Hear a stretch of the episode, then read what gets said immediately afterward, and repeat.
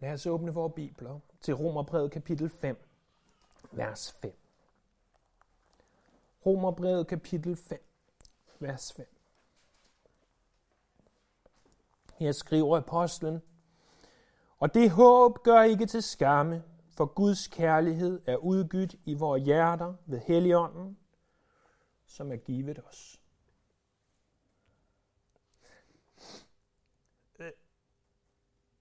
For den kristne er vidsheden om frelse ikke alene vigtig. Vidsheden er ganske, ganske essentiel. Øh, prøv blot at forestille dig noget, som, som ikke øh, egentlig har noget med troen at gøre. Men, men forestil dig, at hvis du har et ellers begavet barn, som øh, hele tiden tvivler på forældrenes kærlighed. Et barn, som ikke ved, om han eller hun er dygtig nok til at få opgaven løst. Et barn, øh, som, som egentlig har øh, gaverne, som egentlig øh, kan det hele, men som tvivler på forældrenes kærlighed. Hvordan vil sådan et barn egentlig i det hele taget kunne klare sig igennem skolen? Fordi en ting er vores gaver, og en anden ting er, hvorvidt vi føler os elsket. Hvis vi føler os utilstrækkelige og føler, at vi ikke slår til, så kan det påvirke os på mange måder. Jeg er ikke tilnærmelsesvis psykolog og skal ikke begynde at begive mig ud i de områder, men, men forstår I, hvad jeg mener? Hvis vi ikke føler os elsket, så vil det kunne påvirke os. Lad os prøve at tage det til livet med Jesus. Hvis du hver eneste dag går rundt og tvivler på, om du er en kristen, øh, hvis det er dit primære tankemønster, så vil du ikke være i stand til at bruge ret meget tid med Herren. Du vil heller ikke være i stand til at gøre meget for ham. Og det kan godt være, at han har givet dig gaver, men det er ikke engang sikkert, at du bruger dem. Derudover så må det jo være forfærdeligt at være usikker på, hvad der sker, når du dør. For Gud ønsker, at du skal have en frelses vidshed. Han ønsker, at du skal være sikker på, at du er elsket. Og at du er hans barn. Det er naturligvis vigtigt for mig at understrege, at vi taler ikke om en falsk vidshed. Der eksisterer falsk vidshed. Der eksisterer mange, som, som tror, de er frelst, men som ikke er det. Og, og, og vi må naturligvis gøre, som Bibelen opfordrer os til, at spørge os selv, om vi er i troen. Om vi egentlig oprigtigt er kristne eller ej. Desværre er virkeligheden, at der findes en, en relativt stor procentdel af dem, der oprigtigt er kristne, som går rundt og tvivler på, om de er frelst. Og det krøbler dem. Det gør, at de ikke er i stand til at være det, som Gud egentlig ønsker, de skal være. Det er derfor, at nu efter at Paulus har brugt fire kapitler i Romerbrevet på at forklare os, hvordan vi bliver frelst, nemlig ved, at vi bliver erklæret retfærdige ved troen på Jesus alene, så går han nu i kapitel 5, vers 1 over til at sige, nu er du erklæret retfærdig ved troen alene, men ikke nok med det. Du kan også være sikker på, at du er frelst. Du behøver ikke tvivle på det hele tiden. Du kan have sikkerhed i det. Det begyndte vi at se på for nogle søndage siden i kapitel 5, vers 1. Og det vi har set på, det er, at vi kan være visse om, vi kan have den salige vidshed, at vi er frelst, fordi vi har sluttet fred med Gud. Vi er ikke længere i krig med ham. Vi kan have den salige vidshed, fordi at du har fået adgang til ham. Du kan gå foran ham og bede til ham. Du kan også være stolte i håb. Det er den tredje ting. Du er stolt i håbet, når du ved, at når du er retfærdiggjort, så vil du også blive herliggjort. Eller med andre ord, når du er frelst, så vil du også nå himlen. Og så kunne vi, som vi så sidste gang, være stolte i vores trængsler, fordi vi ved, at de trængsler producerer et håb i os. Det håb, det er et håb, der ikke skuffer. Det er sådan vers 5 begynder. Det håb, det gør ikke til skamme. Det er et håb, som vi kan være stolte og sikre i. Men hvorfor? Det er spørgsmålet. Hvorfor kan du være stolt og sikker i det håb? som en trængsel producerer i dig. Hvorfor kan du være stolt og sikker? Og det leder os til den femte grund til, at vi kan have frelsesvidshed i det her afsnit. Den femte grund, det er, at Guds kærlighed er udgydt i vores hjerter ved Helligånden, som er givet os. Jeg ser tre ting i den her tekst. Jeg ser for det første Guds kærlighed. Jeg ser for det andet, at Guds kærlighed er udgydt i vores hjerter. Og jeg ser for det tredje, at det er sket ved Helligånden, som er givet os. Tre ting. For det første, Guds kærlighed. Husk først, hvem han er. Det er Guds kærlighed. Hvem er han? Jamen, Johannes han bruger passende tre udtryk i, sin, øh, øh, i sit evangelium og i, sin, øh, i sit, et af sine breve om, hvem Gud han er, hvor han siger, Gud er. Han siger for det første, Gud er ånd i Johannes kapitel 4, vers 24. Det betyder, at han er en person, men ikke en fysisk person som dig og mig. Det betyder, at han er alle steder på én gang. Og du har samme mulighed for at være sammen med ham, som med en mand eller en kvinde, du måtte kende. Det er også ham, du kalder Gud. Og det betyder, at han er noget, der er større og mægtigere end dig.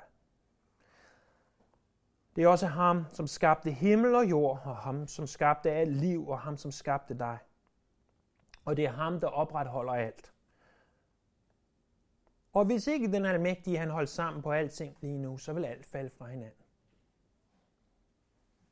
Han er ånd. Men Gud er også lys. Det er det, der står i 1. Johannes brev, kapitel 1, vers 5. At han er lys vil sige, at han er noget, der er ganske anderledes end os. Den bedste illustration, jeg kan give, det er, hvis du, og lad være med det her, for det er ikke sundt for dine øjne, men hvis du nu gik udenfor på en, på en solskinsdag som i dag, og, og stiller dig og begynder at kigge op mod solen i sådan en, bare to-tre sekunder, men måske endnu bedre et halvt eller et helt minut. Og, og, og så se, hvad det gør ved dit syn. Lad endelig være med det. Det er ikke en opfordring, men en illustration af, at vi ved alle sammen godt, hvad det vil sige, når vi kommer til at kigge imod solen. Den er alt for skarp for os. Den er alt for lys for os. Og Gud er lys, der er intet mørke i ham.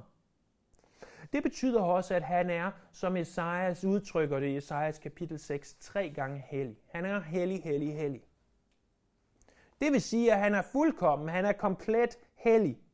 Og når Gud er hellig, når Gud er lys, så betyder det, at han ikke kan være sammen med mørke.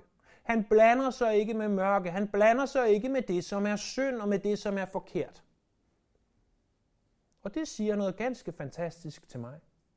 Og forhåbentlig også til dig. For jeg ved godt, hvordan mit hjerte er. Jeg ved godt, hvordan menneskers hjerter er. Og alligevel vælger den almægtige Gud at komme her til jorden for at være sammen med os. Prøv, at tænke over det. Øhm, den almægtige Gud, som er så lys, som er så klar, så du ikke kan skue ham, han kommer her til jorden, fordi han ønsker at have fællesskab med dig. Og det leder mig til den tredje ting, vi kan sige om Gud. Og som Johannes han siger, Gud er. Han siger naturligvis, at Gud er kærlighed. Gud er selve definitionen på kærlighed. Han er, hvad kærlighed er. Han er kærligheden. Utroligt nok behøver han ikke din kærlighed, for han er kærlighed i sig selv. Og alligevel, så nyder han dit selskab. Det er den Gud. Det er den Guds kærlighed, som er udgydt i vores hjerter ved Helligånden, som er givet os. Det er den Gud, der elsker dig, men hvordan er det, han elsker dig? Vi kunne forsøge at sammenligne kærligheden med kærligheden mellem ægtefæller. Vi kunne forsøge at sammenligne kærligheden mellem forældre og deres børn. En stærk, stærk kærlighed. Og alligevel vil sammenligningen være ufuldstændig. De af os, der har børn i den børnehave, dygtige alder eller større, har alle prøvet, at de kommer hjem med en lysestage eller et eller andet andet, som de har lavet. Du har måske endda selv engang prøvet at pakke en gave hen og give den til dine forældre, da, da du var den alder, og, og give dem den her gave. og tænkt, ah, den er lidt grim. Den var ikke lige, som jeg kunne tænke mig. De kan nok ikke lide den, og de siger bare, at de kan lide den, fordi de vil være søde ved mig. De lyver for mig. Men det gør de ikke. Prøv at høre.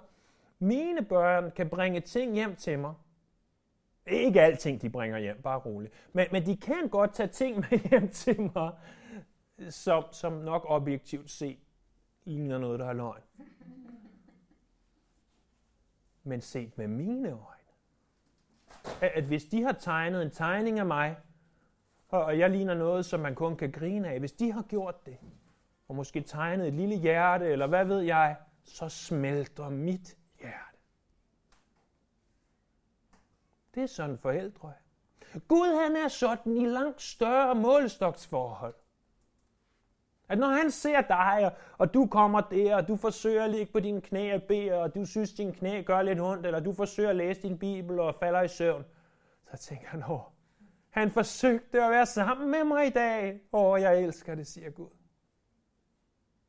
Det er jo ikke andet end et forkrøblet lysestage, hvis vi ser på det udefra. Men han elsker dig, og derfor er det fantastisk. Derfor er det vidunderligt. Derfor er det ubeskriveligt. Sådan er vores Gud. Vores Gud er kærlighed, og han elsker os. Vi vil komme til øh, næste søndag, om Herren vil, og begynde at se på vers 6-8. Og vers 6-8 er nogle af de stærkeste vers i Bibelen, der taler om Guds kærlighed. At Gud elsker os, mens vi endnu var syndere. Der sendte han sin søn, ikke mens du gik rundt og var i kirke søndag formiddag, mens solen skinner. Det var ikke der, han elskede dig. Han elskede dig, da du var en hedning. Der elskede han dig. Og det er vidunderligt. Det er vidunderligt.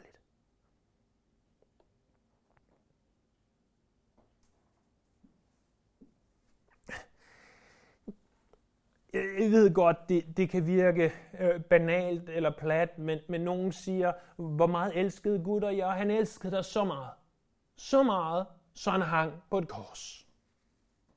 Og i sig selv er det hverken banalt eller plat, for det er sandt. Det er uforståeligt det her. Det er ud over vores forstand.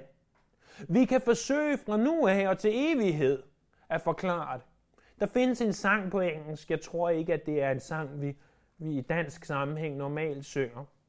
Men den går nogenlunde i, i stil øh, sådan her, at, at hvis, hvis, øh, hvis alle havene var fyldt med blæk, og alle mennesker, øh, de var øh, øh, skriftkloge, eller var, var dem, som, som kunne skrive skriver, altså folk, der, der skriver ting ned, øh, der gamle model. Og himlen, det var et stort pergament, eller et stort stykke papir. Så vil vi aldrig, aldrig kunne nå at skrive alt, der er at skrive om Guds kærlighed. Så stor er hans kærlighed. Selvom vi havde alt blik i verden, selvom vi havde alle ressourcer til at skrive, og selvom vi havde alt det papir, der var nødvendigt, så vil det aldrig, aldrig slutte at beskrive hans kærlighed. Sådan er vores Gud. Det er Guds kærlighed. Hvad sker der så for det andet med Guds kærlighed? Jamen, Guds kærlighed er udgydt i vores hjerter. Det her ord udgydt, øh, det er et øh, græsk ord, øh, ek, kuno, øh, som bruges 11 gange i det græske nye testamente. De fleste af de gange, det bruges, der bruges det om blod, der udgydes.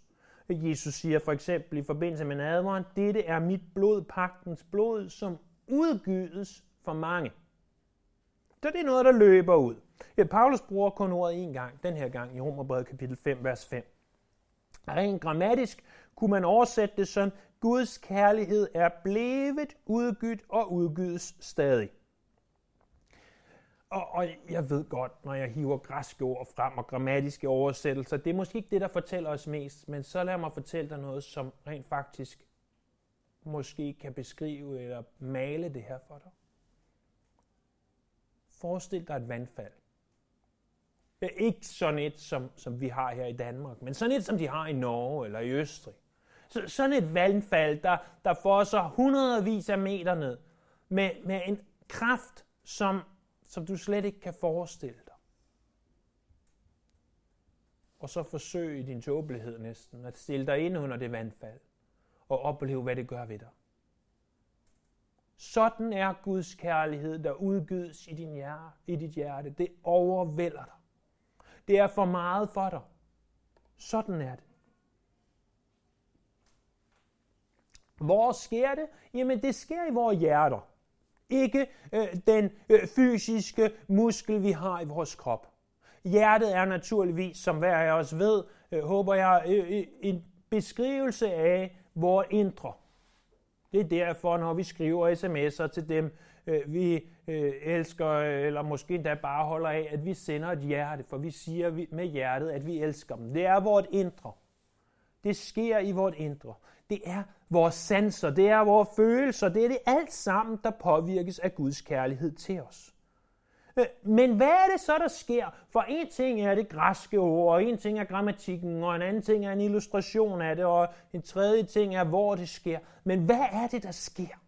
Hvad er det, der sker, når at Guds kærlighed, den kærlighed, som ikke kan beskrives, den fosser ud i dit hjerte på en måde, som er ganske, ganske ubeskrivelig. Hvad er det, der sker? Det er Guds kærlighed, der vælter over dig som en anden tsunami. Det er Guds kærlighed, der fosser ned over os som det vandfald, der aldrig stopper. Det er Guds kærlighed, der fylder dit liv som en velduftende parfume, der ikke øh, stopper. Den fylder dit inderste, den fylder dit hjerte. Det her, venner, det er ikke noget, vi bare skal tro på. Lad være med at komme i kirke og sige, jeg tror på, at Guds kærlighed udgives i mit hjerte. Nej, det er ikke nok. Du skal mærke det. Du skal føle det. Du skal opleve det. Det her, det er ikke bare noget, som vi kan læse i en bog. Det er noget, du kan komme til at mærke, at Guds kærlighed udgydes i dit hjerte. Når Guds kærlighed overvælder dig på den her måde, øh, så vil det være noget, hvor du ikke vil kunne holde op med at takke ham og prise ham. Du græder måske. Du jubler måske. Det kan ikke stoppes. Sådan er det, når Guds kærlighed udgydes i dit hjerte. Det bliver, når Guds kærlighed bliver udgivet i dit hjerte, så bliver det en vidunderlig byggesten på din frelsesvidshed. Guds kærlighed i dit hjerte kan ikke stå alene. Fordi hvis den står alene, så kan vi sige, at mange mennesker tror, at de har haft oplevelser med Gud. Hvor de tror, at de har oplevet Guds kærlighed udgydt i deres hjerte. Men hvis du alene bygger det på en oplevelse af noget, du tror, og du ikke rent faktisk bekender Jesus som Kristus, så er det ikke sikkert, at det er rigtigt. Men hvis du bekender Jesus som Kristus, hvis du har sluttet fred med Gud, og du oplever Guds kærlighed udgydt i dit hjerte, så kan det blive en vidunderlig byggesten på dit frelsesvidshed. Hvordan? Hvordan sker det her? Det sker ved Helligånden, som er givet os. Det sker ved Helligånden, som er givet os. Hvad betyder det? Det er den tredje og sidste ting, det her. Hvad sker, hvad, hvordan udgydes Helligånden? Hvordan, kommunikerer, øh, hvordan udgydes Guds kærlighed i vores hjerter? Hvordan kommunikeres det? Det kommunikeres ved Helligånden. Ved frelsen, det vil sige i det øjeblik, vi er retfærdiggjort ved tro, der tager Helligånden bolig i os. Prøv en gang at bladre øh, to sider, en side sådan set kun, til kapitel 8, vers 9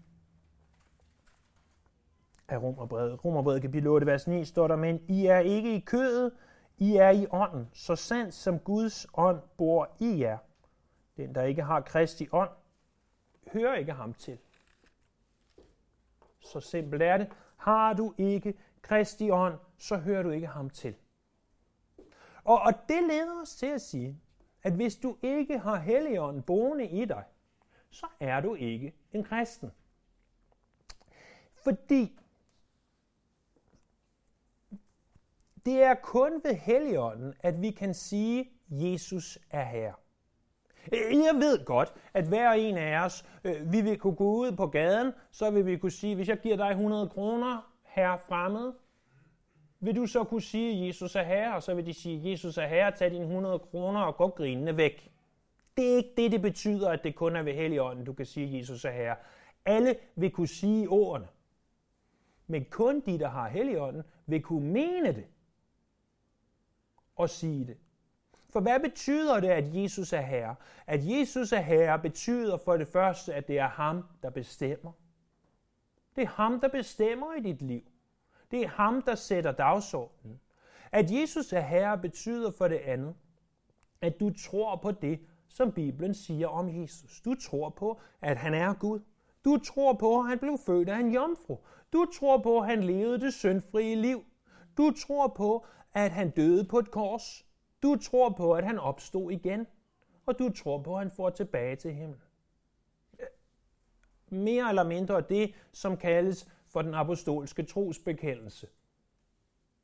Tror du på det, og mener det, og, og er Jesus herre i dit liv? Er det ham, der bestemmer rent faktisk, ikke bare noget, du siger?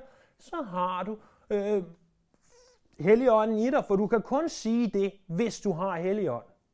Det her, at vi kun kan sige ved Helligånden, at Jesus er herre, står i øvrigt i 1. Korintherbrev, kapitel 12, vers 3. Men det stopper ikke der. Fordi har vi Helligånden i os, så er der også nogle tests, som vi i 1. Johannes brev kan kigge på og sige, passer de her ting på mig? Eller passer de ikke på mig? Og, og ved at applicere de tests, så vil vi kunne finde ud af, om vi har Helligånden. Og, og de tests, om du vil. Og, og jeg understreger det her, fordi det er jo ikke bare vigtigt for os, der sidder her i dag og siger, vi ved godt, at vi er kristne, og vi ved godt, at vi tror. Men vi vil jo også møde masser af mennesker i vores liv, som ikke er sikre på, om de tror. Og når du ved, hvordan du kan sige til dem, prøv at høre, du kan vide, at du er en kristen. Du kan vide, at du har evigt liv. Du behøver ikke tvivle på det. Øh, så tag de her ting, og jeg siger ikke, at hver det her skal være fuldkommen til stede i dit liv. Jeg siger ikke, at du skal være perfekt, og jeg tror langt fra på på perfektion i det her liv. Men, men prøv at se, om det her det er karakteristika, som du måske kunne genkende i dig selv. Øh, I 1. Johannes brev, kapitel 3, vers 9, der står der, en hver, som er født af Gud, gør ikke synd, for Guds sæd bliver i ham, og han kan ikke synde, fordi han er født af Gud. Og som vi ved, når vi udlægger det vers, så ved vi, at det betyder med andre ord, at du lever ikke i synd.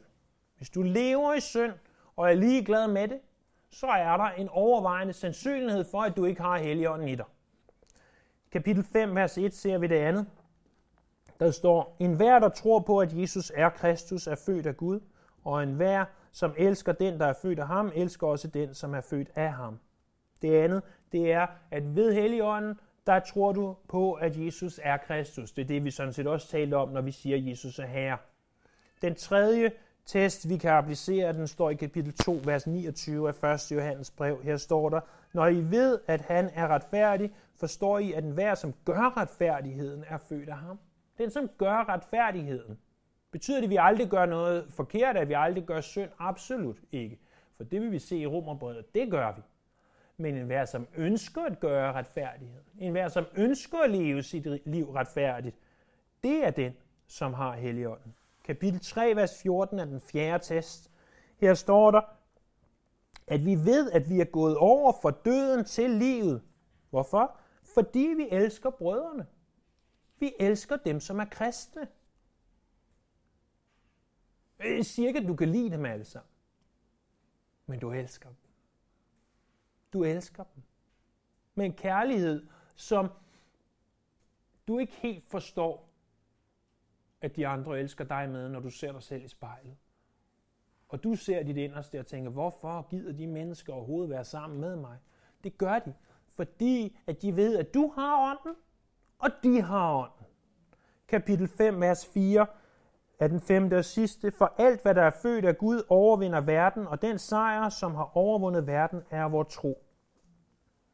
Med andre ord, du overvinder verden, det vil sige, du lever ikke for denne verden. Denne verden er ikke det primære i dit liv. Den verden, som skal komme, er det primære. Ikke at denne verden er uvæsentlig, men den kommende verden er vigtigst for dig. Det er fem tests, man kan applicere til sit liv og se, ikke fuldkomt, men kan jeg genkende de her ting i mig selv? Du siger, at jeg genkender intet af det, intet af det passer på mig, så vil jeg gå hjem og tage et langt dybt kig i spejlet og sige, der er nok en sandsynlighed for, at jeg aldrig har været en kristen. Men tanken er jo netop ikke, at vi skal gå med en falsk bekendelse. Tanken er, at vi skal have sikkerhed. Og du kan få sikkerhed. Du kan få sikkerhed. Og hvis du ikke har den sikkerhed, hvad så? Ånden er givet. Ånden er givet. Og hvis du ikke har sikkerheden, så må du blive ved med at søge ham, indtil han frelser dig. Indtil han giver dig den tro, der skal til, og at du omvender dig. Så for den kristne er Helligånden allerede i os. Ingen diskussion om det. Eller vi kan godt diskutere det, men, men hvis vi bruger øh, Bibelens ord som vores fundament, alle kristne har Helligånden, og alle kristne kan derfor se de her ting i sig selv i en eller anden grad. Men ikke er alene er Helligånden i os. Helligånden kan også komme over os. Det er det, som vi måske tydeligt ser i Apostlenes Gerninger kapitel 1, vers 8. Der står, I skal få kraft, når Helligånden kommer over jer. Og I skal være mine vidner, i det I begynder i Jerusalem, Judæa og i Samaria og helt til verdens ende. Så ikke alene er Helligånden i os, der er også muligheden for, at Helligånden kommer over os.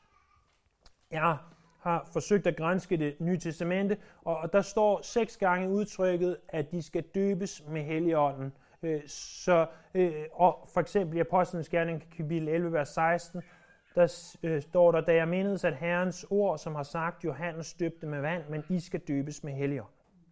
Der hersker diskussion om dåben med helligånd. Blandt gode kristne, der er uenige. Øh, I og en af de diskussioner er for eksempel i Efeserne kapitel 1, vers 13, hvor der står, vi er forsejlet med Helligånden. Som jeg tror er langt hen ad vejen er meget det samme, som vi ser her i Rom og Romerbrevet kapitel 5, vers 5, at Guds kærlighed kan udgydes i vores hjerter ved Helligånden, eller at vi er døbt med Helligånden. For dåben med Helligånden er først og fremmest det, at Guds kærlighed udgydes i vores hjerter det er, at Gud han giver os en frelsesvidshed i vores hjerter ved Helligånden. Det er ikke nødvendigvis noget, alle kristne har oplevet. Det er heller ikke nødvendigvis noget, alle kristne kommer til at opleve. Men når du oplever det, så overvælder det dit hjerte. Og når du oplever det, så vil det være en fantastisk byggesten i din frelsesvidshed. Fordi på den måde, så vidner Helligånden sammen med din ånd om, at vi er Guds børn. Det er det, vi kommer til senere at læse om i Romerbrevet kapitel 8, vers 14-16. Og, og jeg vil understrege, det er ikke en nødvendighed, at hverken have oplevet det her, eller komme til at opleve det, for at være frelst. Frelses vidshed er ikke en nødvendighed for at være frelst, men jeg kan love dig, at det gør en kæmpe, kæmpe forskel. Når du ved, at du er frelst. Når du ved, at du har sluttet fred med Gud. Når du ved, at du har adgang til Gud. Når du ved, at når du er retfærdiggjort, så vil du også blive herliggjort. Når du ved, at selv midt i trængslerne, der er Gud der. Når du ved, at Guds kærlighed er så uendelig stor til dig, når du ved de ting, så gør det altså en kæmpe, kæmpe, kæmpe forskel. Og du kan vide det. Johannes han skrev hele det første brev. For at I må vide, at I har evigt liv. Ikke for at du må gå rundt hele dit lange kristne liv og hver eneste dag tvivle på, om du er frelst. Og hver morgen sige, åh Gud, må jeg er frelst i dag. Åh Gud, må jeg har mistet min frelse. Nej, nej, han skrev det her, for at I kan vide, at I har evigt liv. Og Paulus han skrev det femte kapitel, for at vi kan vide, at vi har evigt liv. For at vi kan have den frelsesvidshed, som gør så kæmpe en forskel i vort liv. Måske bliver det her med Guds kærlighed udgydt i vores hjerter, hvor du mærker Guds kærlighed. Måske bliver det det vigtigste bevis for os på, at vi virkelig er elsket af Gud, på at vi er frelst.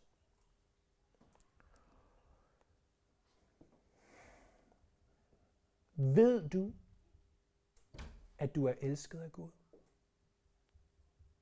Ved du, at du er frelst? Er du sikker i din frelse? Det er ikke bare small talk. Det er ikke bare spørgsmål, vi stiller lidt. Det her, venner, det er noget, som vi alle kan spekulere over.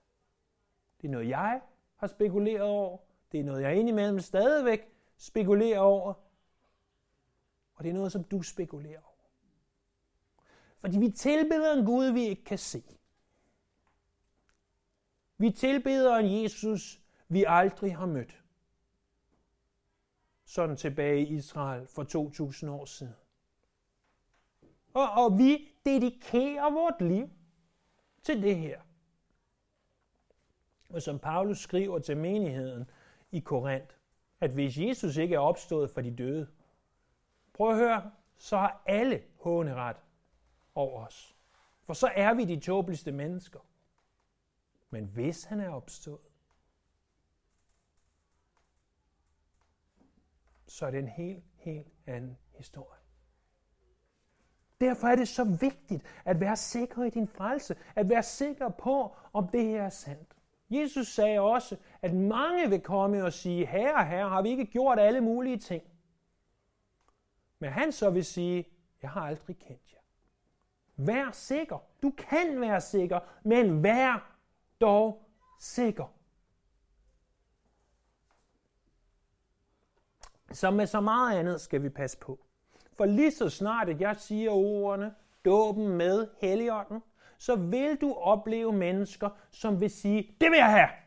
Ja, selvfølgelig vil du det, for hvem vil ikke være sikker? Men lad dog for alt i verden være med at søge oplevelsen. Lad være med at søge oplevelsen af Guds kærlighed udgydt i dit hjerte. Det er slet ikke det, vi har talt om her i dag. Det, vi har talt om her i dag, er ikke, at du skal søge nogen som helst oplevelse. Det eneste, du må og skal søge, det er Gud her. Du kan ikke genererer oplevelsen Guds kærlighed udgydt i dit hjerte, uanset hvad du gør. Hvis du siger, i dag går jeg hjem og jeg læser hele Bibelen inden næste søndag, du kan nok ikke nå på arbejde, hvis du forsøger det, men fair nok. Og, og hvis du siger, resten af tiden, der beder jeg, jeg lader være med at sove. Så hvis for det første siger, lad være med at komme i kirken næste søndag, for jeg har ikke lyst til at sidde og se dig sove her. Men, men for det andet, det hjælper ikke en tød. Gud gør det ikke, fordi at du gør noget. Det vil jo være gerninger. Gud gør det, fordi han vil. Og vi må altså ikke søge oplevelsen. Vi skal søge Gud. Vi skal søge at kende ham bedre, og vi skal søge at forstå ham. Så gå gerne hjem og læs i Bibelen. Gå gerne hjem og bed, men det er ikke derfor, at det sker. Det sker, når Gud ved det. Vi er nødt til at gruble, hvilket er et gammeldags ord for at tænke over de her ting. Tænk over, hvad retfærdiggørelsen er for noget. Prøv at høre, vi har nu lige om lidt brugt 52 gange sammen i Romerbrevet. Det, det er i sig selv en præstation, at de stadigvæk er her. Men hvorfor i alverden vil jeg bruge 52 gange på lidt over fire kapitler? Det vil jeg, fordi vi skal forstå det her. Prøv at høre, hvis du ikke får det ind i knollen, at du er retfærdiggjort, så kommer det aldrig ind i hjertet. Og, og, og hvis, hvis du ikke forstår det her, bare en lille smule, så vil alle de her andre ting aldrig ske. Vi er nødt til at søge ham. Vi er nødt til at søge at forstå det her. Fordi det, det er altså vigtigt. Det er vigtigt. Det, det er fair nok, hvis du vil leve resten af dit kristenliv øh, som en krybling. Det, det, øh, jeg kan ikke forstå det, men, men fair nok. Men hvis du vil leve det i, fra sejr til sejr, hvis du vil leve det øh, i sejr, lad os sige det sådan, så bliver du nødt til at gøre en indsats. Og den indsats, den sker i vores hjerne. Og så forplanter den sig ned i hele vort liv. Det er derfor, vi gør det. Jeg ved godt, det er detaljeret, og, og det er langsomt, og hvornår kommer vi til noget, øh, noget andet? Vi kommer ikke lige frem til noget andet lige forløb. Jeg kan lige så godt sige det, som det er. Og det gør ikke noget. Det gør ikke noget. Ved du hvorfor? Fordi du har behov for at høre det her. Jeg har behov for at prøve på at forstå det her. Vi har alle sammen behov for at forstå de her ting.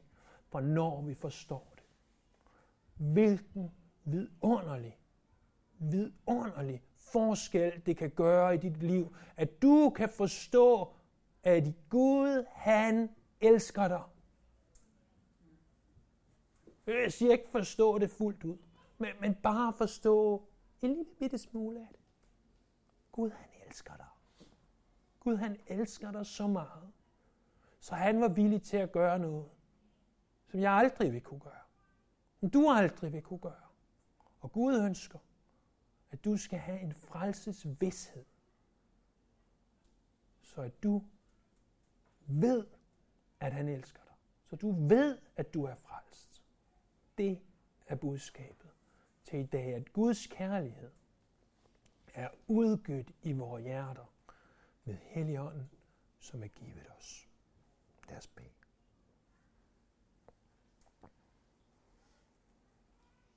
Himmelske farskab og Gud. Ord kan ikke beskrive, hvor, hvor taknemmelige vi er for, hvad du har gjort i vort liv. Herre, du har taget os ud af dønnet, og du har sat vores fod på en klippefast grund. Herre, at du rører ved vores hjerter, så selvom det er lidt halvpinligt og stå og græde foran en flok af mennesker, som ser på en, så gør det ikke noget. For vi gør det ud af kærlighed til dig. Og her, jeg beder for det første her i dag, hvis nogen ikke har fået Helligånden, ikke er frelst, at du vil vise dem det her. Og jeg beder her, måske endnu mere relevant, hvis der er nogen her i dag, der er usikre på, om de er frelst, men som er det, at du vil gøre dem sikre her. At de ikke skal gå og tvivle på, at du elsker dem. At de ikke skal gå og tvivle på, at de er gode nok. Åh oh, Herre, om du dog ville udgyde din kærlighed ved Helligånden i vort liv. Om vi dog måtte få lov til at opleve den dåb med Helligånden, den forsejling af Helligånden. At vi ved, at vi er dine, at vi kan mærke det i vort hjerte. Det beder vi om her. Ikke for oplevelsen, men fordi vi ved, at du elsker os. Vi priser dit navn.